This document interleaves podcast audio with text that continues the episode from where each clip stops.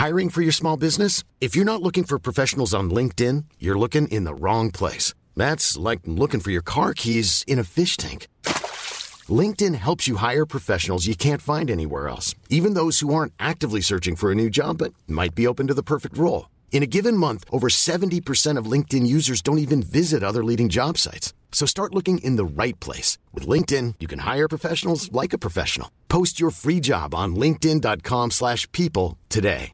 Mother's Day is around the corner. Find the perfect gift for the mom in your life with a stunning piece of jewelry from Blue Nile. From timeless pearls to dazzling gemstones, Blue Nile has something she'll adore. Need it fast? Most items can ship overnight. Plus, enjoy guaranteed free shipping and returns. Don't miss our special Mother's Day deals. Save big on the season's most beautiful trends. For a limited time, get up to 50% off by going to BlueNile.com. That's BlueNile.com.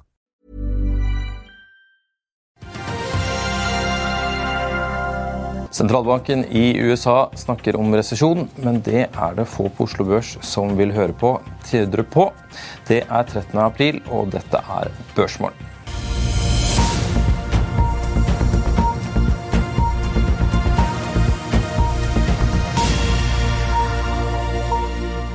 Velkommen til Børsmorgen her hos Finansavisen på en regntung torsdagsmorgen. Jeg er Marius Mikkelarsen, Larsen, og med meg har jeg Karl Johan Molnes. Det ligger an til en svak oppgang på Oslo Børs. Futures antyder at børsen skal opp 0,1% mens Nordnetts Roger Berntsen tror det åpner ganske flatt. I går steg hovedindeksen på Oslo Børs med 0,5% til 1215,64 poeng, mens de ledende indeksene på Wall Street gikk i rødt. Det startet positivt etter at de amerikanske inflasjonstallene kom inn lavere enn ventet, men deretter ble det dårlig stemning takket være den amerikanske sentralbankens prat om resesjon. For et Fed-referat viste at komiteen tror USA havner havner i resesjon pga. bankkrisen. Og kriseprat det er det ingen som liker, og dermed var den gode stemningen på børsene slutt. Det virker som folk ikke forstår hva inflasjonsproblemet er. Problemet er at kostnadsveksten er så høy at den vil gi permanent for høy inflasjon om ikke lønnsveksten kommer ned.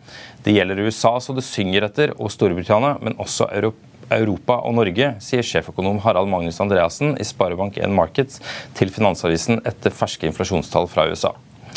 Det ble også blandet i Asia i natt, hvor nyhetene fra USA ble mottatt litt forskjellig. Japanske Nikkei steg 0,1% mens Topix gikk ca. like mye tilbake. Kinesiske Shanghai Composite vendte opp 0,1 Hang, Hang Seng i Hongkong var opp 0,5% mens Kospi i Sør-Korea ruslet ned 0,1% Samtidig er brent oljen opp og ligger på morgenkvisten på rundt 87 dollar, som er opp rundt 10 dollar siden slutten av mars. Lakseprisen på sin side går noe tilbake. I uke 14 var eksportprisen for fersk laks 109,21 kroner per kilo, ned 1,6% fra uke 13, viser nye tall fra Statistisk sentralbyrå onsdag. Prisfallet fortsetter dermed fra rekorden på 122,88 kroner per kilo i uke 11.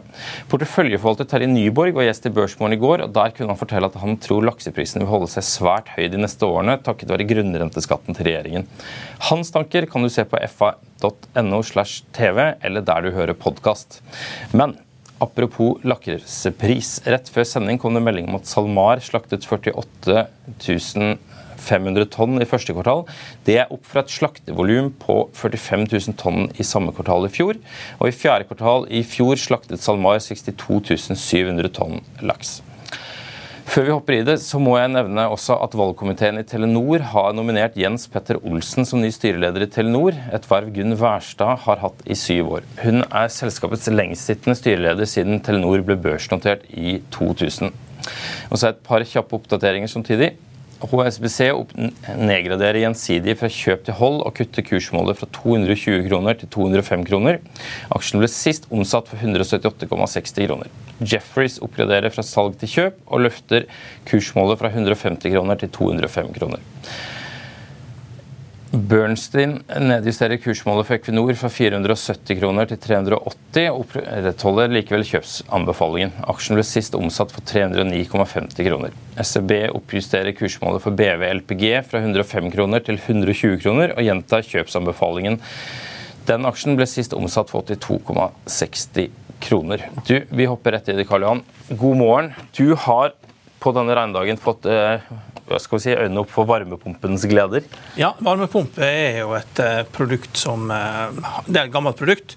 I Japan, Japan var det allerede godt etablert tidlig på 90-tallet. Derfor er det veldig mange japanske produsenter som Panasonic, Mitsubishi, Toshiba og Fujitsu. Men det er også et stort selskap i Sverige som heter Nibe. og Eh, det har tidligere alltid vært behandlet som en small cap, men vokser du lenge nok i mange nok år, så blir du stor. og Nå er børsverdien 235 milliarder svenske kroner, og i Norge så er det bare DNB og, og Equinor som er større i børsverdi. da.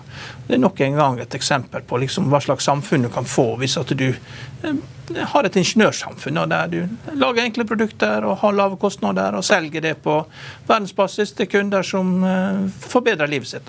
Og Nå har vi jo hatt en perfekt test i Norge. For Før så har jo dette vært et produkt som ja, Målgruppen er disse her som uh, aldri klarer å sitte i ro, uh, som alltid må ha noe å gjøre, som har installert varmepumper hjemme, på tross av at de ikke har hatt noe sånn særlig økonomisk effekt. Da. Men når du ikke har hatt strømstøtte på hytta, så har du fått en perfekt test. Da. Og Det er mange som, som, før ellers ikke ville gjort det fordi det har vært begrensa nytte, som har brukt denne sesongen her til å gjøre det, og sier det at dette her var over all forventning. Installerer en, en, en varmepumpe til 15 000 kroner og halverer strømforbruket. og uh, Slipper da å komme opp til en kald hytte og styre da dette med en app, og du kan bestemme temperaturen 20, 21 eller 22 eller 18 grader, alt det som du vil, og, og fasiten er det. Halvering av strømforbruket. Så det Eh, det er veldig bra. De som har større hus, kjenner folk der som har brukt 75 000 kroner og slipper å stå opp om morgenen og fyre med ved for å få, få, eh, få liksom varme i et stort hus. Eh, så,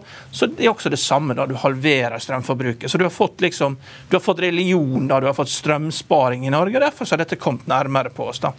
Men det som gjør det interessant å skrive om dette, er jo ikke at Niba har blitt så stort. Det er jo at det er et norsk selskap som heter Energy Save og eh, eh, De har en børsverdi på 1 milliard, og det er jo mye mindre enn eh, Nibe. Men de har en, en liten nisje. da.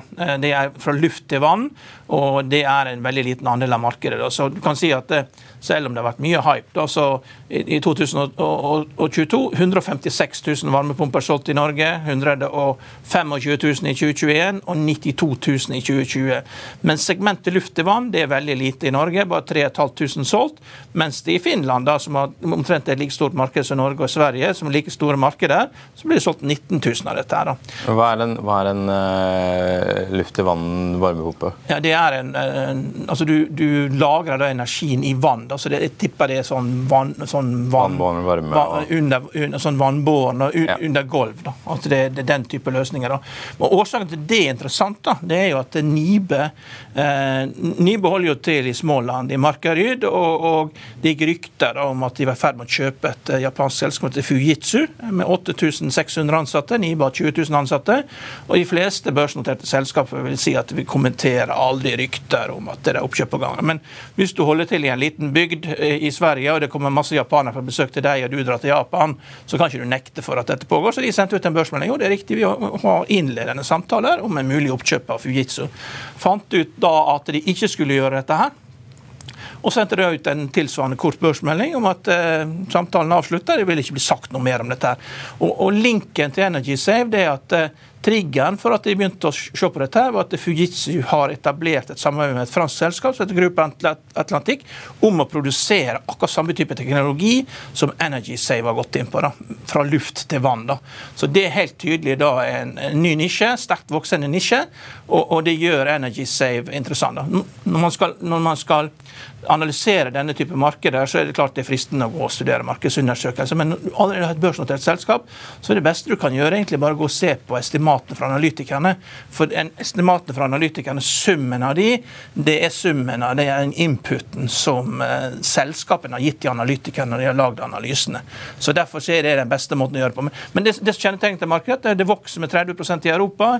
Japan og Asia vokser med ca. 10% og nå har også USA oppdaget dette her, da, at de også vokser med 10 men altså Energy Save, de er jo, hvor, hvor store er de? Altså en, en, milliard i markedsverdi.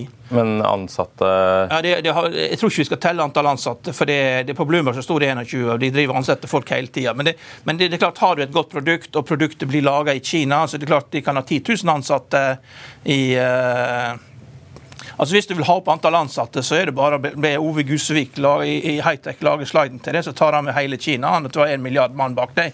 Så det er ikke noe problem hvis Men, du vil ha opp antall ansatte på powerpointen. Nei, jeg bare tenker ja. den, liksom, litt sånn Men de har et kinesisk produkt. De selger et kinesisk produkt. Ja, fordi her, altså, som vi var inne på Nå blir jo Gunn Wærstad byttet ut som styreleder i Telenor, og det er jo da toppsak på alle de største avisene i, i landet i dag. Eh, og det du sier er at, at litt mindre enn Telenor, så har du et, eh, et varmepumpeselskap i Sverige som altså det er verdt 235 milliarder. Ja, så Det ville jo nesten utlyst en sånn eh, pressemelding og toppsak hvis de byttet styreleder òg, med den størrelsen der. Men likevel 200, 250 pluss milliarder i market cap mot Energy Save, som har 1 milliard. Ja. Altså Det er 250 ganger så mye verdt. Ja, men det, det er klart det er eh, Nibe da, de lager alle typer klimaløsninger for hus. da, eh, Mens, mens eh, Energy Save de har et kinesisk produkt som de selger inn i det europeiske markedet. Så Det er en helt annen setup. Så det, det, det går ikke an å sammenligne. Men det er klart, her er det enorme muligheter. og, og Eh, får enorm vekst, fordi at det virker som om at Fujitsu skal også satse på det samme. En av testene du lærer når du jobber med mange småselskaper, er jo det at eh, et av de viktigste spørsmålene du skal stille et lite selskap, er har du noen konkurrenter. For hvis svaret er nei på det, da, da er det ofte ikke så interessant å investere.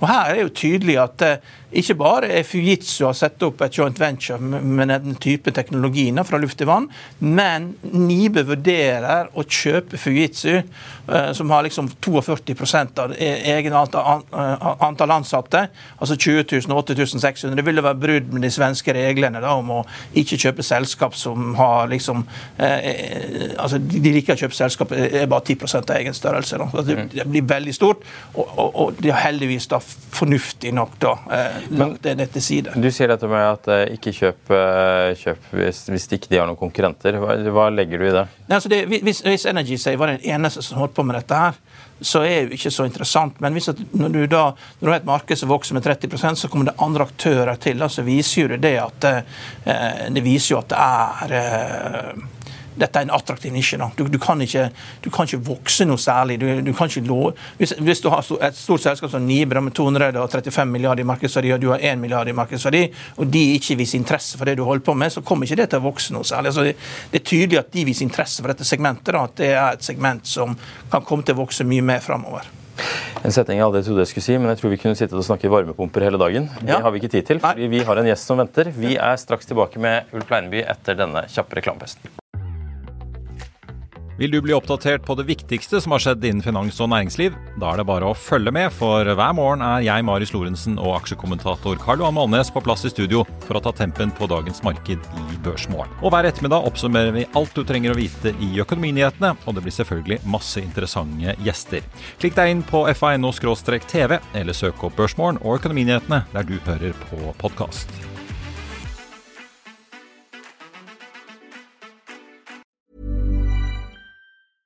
I'm Sandra, and I'm just the professional your small business was looking for. But you didn't hire me because you didn't use LinkedIn jobs. LinkedIn has professionals you can't find anywhere else, including those who aren't actively looking for a new job but might be open to the perfect role, like me.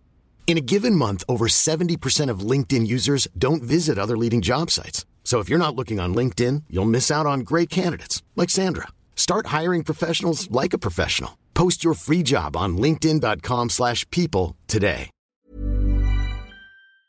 I'll see you in court. Vi sier det ofte litt på spøk, men for deg som driver business, er det aldri moro å innse at du ikke har laget en 100% gyldig kontrakt. Du bør ikke risikere hele firmaet ditt fordi du synes dette med kontrakter er litt stress. En avtale er ikke en avtale. Du kan miste kunder, miste venner, ja, til og med miste inntekter om du ikke lager en skikkelig kontrakt, på alt mulig, egentlig.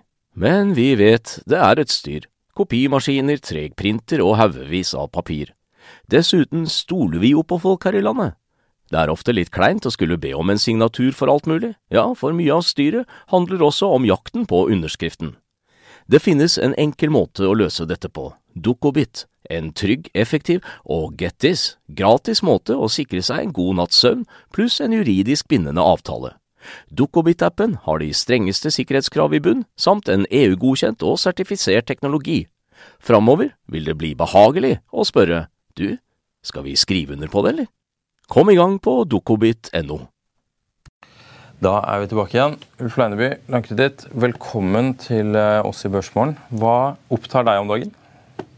Tja, det er vel business as usual, egentlig. Jeg passer på de 35 selskapene som er i porteføljen. Langkreditt Norden utbytte. Og så er jeg jo stadig på utkikk etter nye selskaper, selvfølgelig. Ehm, så er jeg opptatt av at nå nærmer vi oss jo rapporteringssesong. Og Q4 i fjor var jo egentlig en litt sånn svak eh, rapportsesong, slik som jeg måla den. Det var veldig mye topplinje, og, og, så var det svakere marginer. Og topplinjen var jo nesten bare pris eh, og ikke noe volum. Så Det første selskapet i min portefølje som har rapportert, rapporterte i dag tidlig. Christian Hansen. Eh, et lite dansk selskap verdt 100 eh, milliarder eh, kroner ca. Lavere enzymer og tilsetningsstoffer til mat, egentlig. De rapporterte om 11% organisk vekst, men da var 6% pris og 5% var volum. Hvis det blir fasiten for en del selskaper i Q1-rapportering, så er det veldig bra. Men det, det er jo et uh, nisjeselskap, uh, og et godt dansk nisjeselskap. Men hvilke kriterier er det som skal til for at en aksje skal havne inn i fondet ditt? Hva er det du ser etter? Vi uh, er jo veldig opptatt av utbytte. Det er liksom utbytte som, som gjelder hos oss. Selskapene skal tjene ja, men... Hvis det blir for stort utbytte, så er det jo ikke bra. Nei, altså, det er ikke om å gjøre å ha størst mulig utbytte. Det handler vel om at det skal være mest mulig forutsigbart. Vi vil jo at selskapene skal ha en utbyttepolicy. At de skal kommentere seg til å betale eh, utbytte.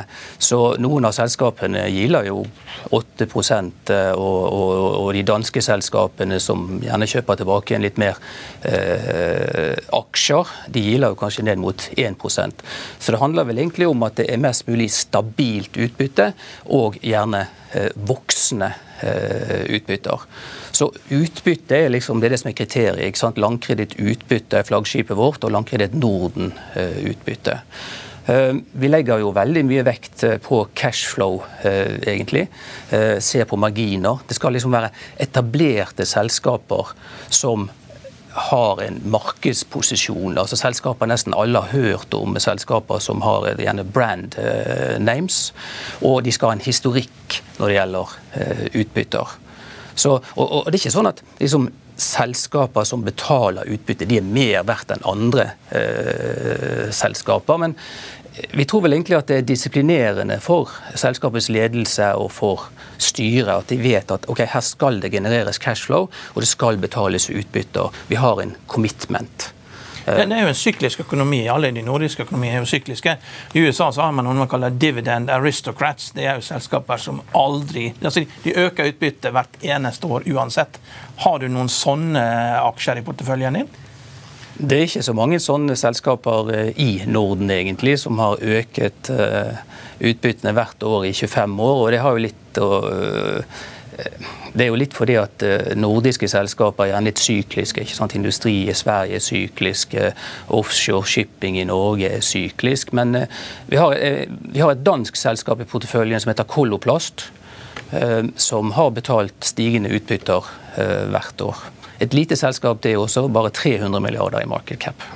Du har en del danske vekstselskaper i porteføljen. Det er tydelig det at det, det er ikke bare eh, lav PE som gjelder her for å komme inn i porteføljen. Ja, defensiv vekst er jo eh, bra, men de danske selskapene er jo skitdyre, for å bruke et pent eh, norsk ja. ord, i forhold til svenske og norske og finske selskaper. Og Likevel så er det jo børsen i Danmark som har gått best hittils i år. Har mye å si selvfølgelig med Novo Nordisk, som vi også har i porteføljen, som er jo et fantastisk selskap har steget egentlig de siste tre årene. Altså, ja, eh, jeg tror jeg kjøpte de første aksjene på 350 kroner. og her Forrige uke så rundet jeg vel 1000 eh, kroner. Så, og, og, er jo selvfølgelig dyr. Men de danske selskapene har gjort det veldig eh, bra. Eh, og, og, Sånn sett har det jo kanskje vært en, en, en uheldig å være litt undervektet Danmark, eller den dyreste delen av Norden. da. Ja. Så liker du godt finanssektoren. Så hvilke, hvilke, finansaksjer er det som du har som favoritt nå? Nei, favoritter eh, er jo mest opptatt av at vi skal ha eksponering og sette sammen en portefølje. Men det er jo mye finans i porteføljen våre. Langkredittutbytte har jo opp mot 50% i finansaksjer. Ikke bare bank, men forsikring også. Og i Norden så har jeg vel 15 eh, bankaksjer og, og, også en del eh, skadeforsikring, eh, livforsikring, eiendom. Og investor, konglomerat som vi regner som bank. De eier jo litt i SEB, men, men, det er jo mest ABB og Assa Obloy, AstraZeneca og Atlas, Atlas Copco. Ja. Er det noe du unngår for tiden? Som du ser som spesielt trøblete? Det er jo ikke for tiden. Vi eh, investerer jo lite i sykliske eh, aksjer. Vi har noe sånn syklisk value, altså skogeierselskaper. Eh, SCA og Holmen eh, har i Norden porteføljen. Men unngår eh, Vi har lite olje og oljerelaterte. På godt og vondt, eh, egentlig. I fjor var jo det litt vondt. men det er jo ikke sånn at ledelsen i Equinor har gjort en kjempejobb eh, hvis kursen går til himmels. Du kan liksom legge kursen i Equinor opp på oljeprisen omtrent, og si, korrigere litt for at gassprisen stakk av her en periode i, eh, i fjor. Så liksom, vi er ikke så glad i selskaper hvor den underliggende eksponeringen er egentlig avhengig av en råvare. Altså, jeg har ingen idé om hvor oljeprisen eh, skal liksom, neste uke eller neste år for den slags skyld. Så lite syklisk, lite oljerelatert eh, og, og syklisk er det shipping f.eks. Så sånn sett i forhold til bærekraft så vil jo vi få gode ratinger her når du har lite shipping og lite olje. Men, men, det går på, igjen på hele filosofien. ikke sant? Det skal være liksom stabil earnings. Altså, e-, egentlig så ser vi etter selskaper som tjener penger i oppgangstider og i nedgangstider. Mer i oppgangstider og mindre i nedgangstider så hender det jo selvfølgelig at man tar feil, eller de faktisk ikke tjener uh, penger uh, her. Men, men stabilitet på en måte, og helst i, i, i marginer, stabile marginer uh, også. Og da kan du ikke ha for mye syklisk industri i porteføljen her. Flyaksjer de betaler jo ikke utbytter, så jeg trenger ikke tenke på det. Men, men altså, det, det, er utenkelig at jeg skulle ha en flyaksje i, i porteføljen. Hvorfor? Den er syklisk. Den betaler ikke utbytter. Altså Forutsigbarheten er jo, er jo, dårlig. Vi liker jo selskaper med, på en måte hvor utfallsrommet er liksom litt sånn snevert uh, her. ikke sant? Uh, altså på samme måte som vi investerer ikke i tidligfasebedrifter. Uh, bedrifter som på en måte en skal på børs og har store ambisjoner. De kan jo lykkes, men utfallsrommet er jo kjempestort. Og Da må du på en måte være spesialist på akkurat det. ikke sant? At du har en masse sånne selskaper, og så har du noen som går tigangen, og noen som går konk. Det er mange som er opptatt av at kapitalavkastningen må være relativt høy. Er det noe, er det noe minstekrav du ser etter? Liksom, er det noe, hvis det, hva, liksom, hvilke tall er det du ser på og ser at nei, dette blir for lavt, dette går ikke? Hva, hva, hva, Fins det noen sånne nivåer? Nei, men de store selskapene i Norden, de etablerte selskapene i Norden, de har jo typisk høy avkastning på kapitalen, og så handles de jo deretter på en høy prisbok ja. eh, også. Men du, du justerer lett for det? Ja da, ja da. På, på, absolutt. Så nei, stabilitet er vel kanskje viktigere enn kapitalavkastning. Men vi er jo opptatt av at det kan komme forbedringer. Er det et selskap som på en måte vi vurderer kan liksom forbedre avkastningen på kapitalen. For det betyr jo også at du får en høyere multippel. For sånn er jo aksjemarkedet. ikke sant? At Du har liksom en cashflow, og så gis den en multippel. Og Noen ganger så ekspanderer den litt, og andre ganger så kontraherer den litt. Og Det går jo litt i, i, i Du leter etter selskaper som kan øke salget uten at de trenger å reinvestere? Jeg øker etter selskaper som har høy forutsigbarhet på, ja. på businessen deres, og høy forutsigbarhet og en klart kommunisert utbyttepolicy. Ja. Uh, så, så, Det gjør oss jo på en måte liksom litt spesielle i forhold til andre. Vi eh, investerer kun i de etablerte. Det er liksom vårt hjørne av aksjemarkedet. Hva er de siste, de siste selskapene du gikk inn og ut av? Ja, Vi er jo forholdsvis eh, langsiktige. Eh, og eh, jeg startet jo dette fondet for fire, litt over fire år siden. De sier jo at all avkastning som er mindre enn fem år, er bare flaks. Men jeg nærmer meg i hvert fall fem år. Og bare for å skryte litt, jeg er jo fornøyd med at fondet er liksom mer enn 50 eh, opp. Og av de 34 selskapene som vi startet med, så ligger vel 25 der fremdeles. I år så har jeg gjort bytte. Jeg har gått inn i Peab det er kanskje litt kontroversielt uh, her. Altså Bygg og, eh, bygg og anlegg uh, er jo et marked som er litt sånn svakt akkurat nå. Veidekke kom jo med en sånn konjunkturrapport og sa vel 6% på Norge og enda mer på, på, på Sverige. Men Peab er jo egentlig som veidekke, bare at asfaltbiten er mye større og, og på en måte har litt mer sesong. Du kan holde på i Sør-Sverige liksom lenger ut i året og begynne tidligere i uh, året. Og så har de jo fremdeles en byggevirksomhet. Uh, bygger også boliger i egen uh, regi. Her. Der har jo Veidekke skilt ut. Og Kursen på Veidekke har liksom holdt seg liksom bra eller steget, og Peab har egentlig gått i kjelleren. Altså Det svenske markedet blir jo svakere enn det norske markedet. Så jeg tror jeg har kjøpt billige Peab-aksjer, og de har jo 40 milliarder i ordrereserver. Så det er det jeg kaller høy forutsigbarhet. Jeg liker selskaper med høy forutsigbarhet. Uh. Så jeg har tatt inn Peab. og med høy forutsigbarhet. Det kan du si om eiendom eh, også, selv om de har gått i kjelleren, for de har jo lange eh, kontrakter. Men eh, jeg solgte Castellum imot. Jeg har hatt litt eiendom. Det startet veldig bra, egentlig. Og så vet vi jo alle at eiendom, etter hvert som renten steg i høst, plumpet veldig raskt. Altså Eiendomsselskapene på børs har jo falt 40-50% og så hadde det et lite rønn i januar, og så har det jo kommet tilbake igjen uh, nå. Men indirekte så sier jo prisingen av de svenske eiendomsselskapene at eiendomsmarkedet skal bli verre, mye verre. Men der er det jo innpriset at de skal falle med 25-30% Så det tror jeg på at eiendom skal falle. Men jeg så liksom ikke for meg at når du har loan to value på under 40% at du trengte å imitere. Jeg mener jo et selskap som Castellum, som eier jo en tredjedel av Entra, Eh, også, burde jo heller solgt eiendommer til under bokførte verdier når du selv prises så lavt. Så eh, si, Som følge av at eh, de gjør denne store emisjonen, annonsert 10 milliarder kroner, så, så, velger jeg på en måte å ha litt eksponering mot eiendomsmarkedet via bygg og anlegg. Så det er den eneste, eneste endringen i år, egentlig. Mm. Hvis du skulle se liksom, altså Du liker jo forutsigbarhet, og vi er jo ikke akkurat i veldig forutsigbare tider nå, er vi det? Um, nei, men aksjemarkedet er jo aldri uh, det, egentlig. Jeg, jeg, bruker veldig liten tid på å synse om markedet er dyrt, eller om markedet er billig. Skal det opp eller ned.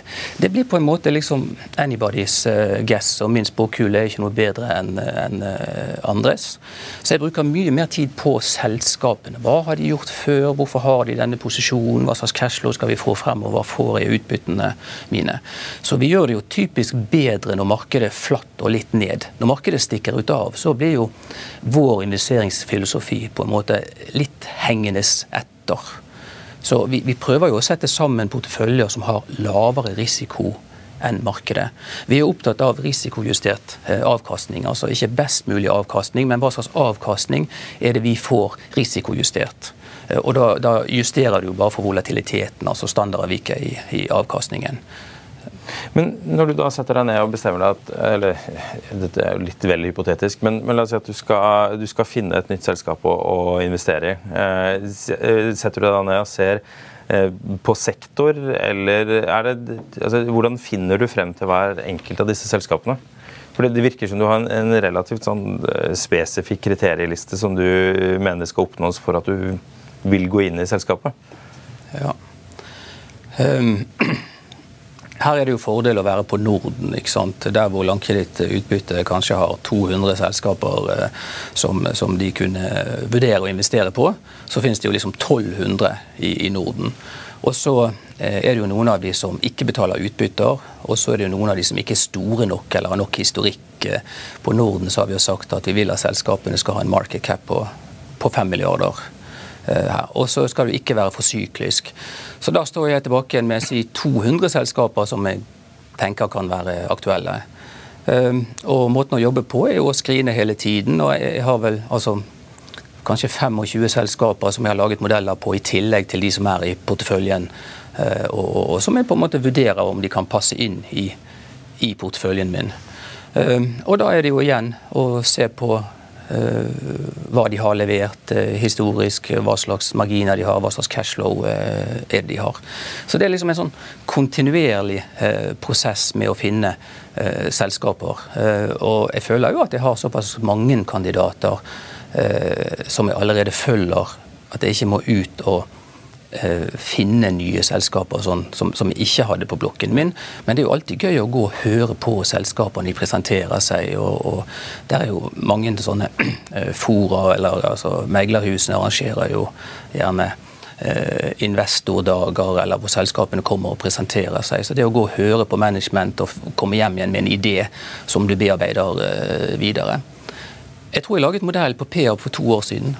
Så jeg har liksom ventet på tiden til å gå inn uh, her. For det er jo ikke sånn at Veidekke nødvendigvis alltid er bedre enn Piab uh, her. Uh, en kort periode så var jeg inne i AF-gruppen også, men den er jo dyrere igjen. hva var prisen på Peab når du begynte å se på det, kontra når du gikk inn? da?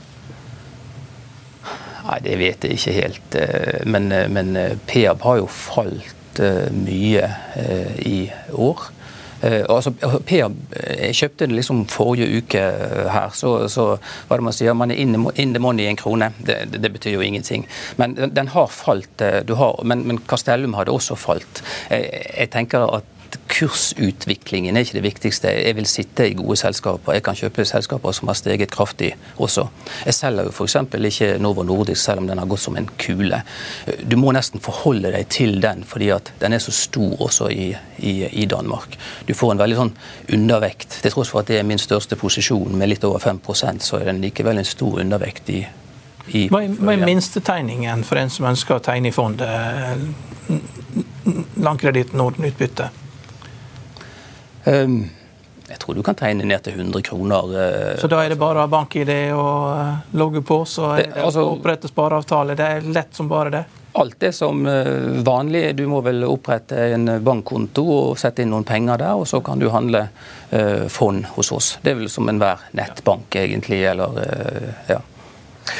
Eh, vi begynner å nærme oss slutten her, men eh, helt, jeg er bare litt sånn nysgjerrig på, på når vi har muligheten til å liksom, eh, pick your brain på, på liksom strategien din. Er det noen røde flagg? Du, liksom, er det noen sånn åpenbare ting når du begynner å se på disse aksjene som tenker at nei, dette er ikke for oss? Altså Utover at ikke de betaler utbytte, åpenbart. Um. Nei, altså, det er jo alt det andre som ikke har på en måte Eh, stødig cashflow og stødige marginer. Det er liksom uaktuelt. Eh, og så er det utbytte.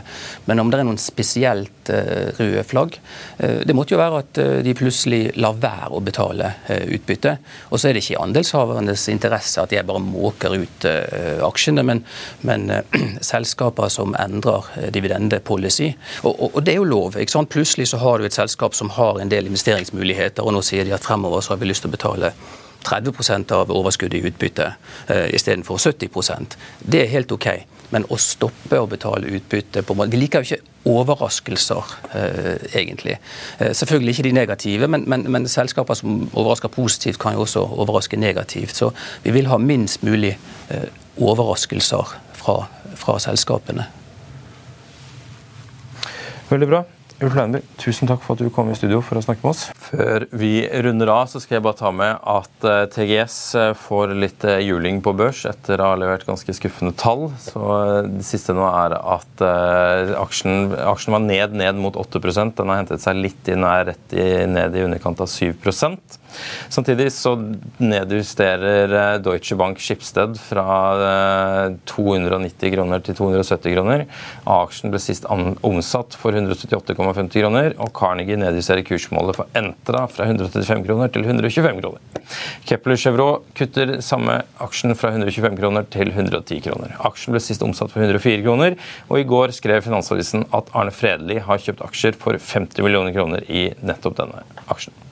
Og med det så sier jeg takk for i dag, men minner om at vi kan Du kan høre Unnskyld. Du kan se de siste oppdateringene i Økonominyhetene klokken 14.30. Og du kan kan også høre denne sendingen når du vil på podkast der du hører podkast. Vi ses i morgen.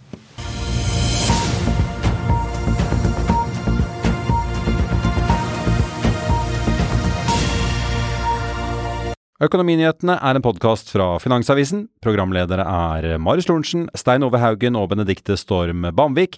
Produsenter er Lars Brenden Skram og Bashar Johar. Og ansvarlig redaktør er Trygve Hegnar.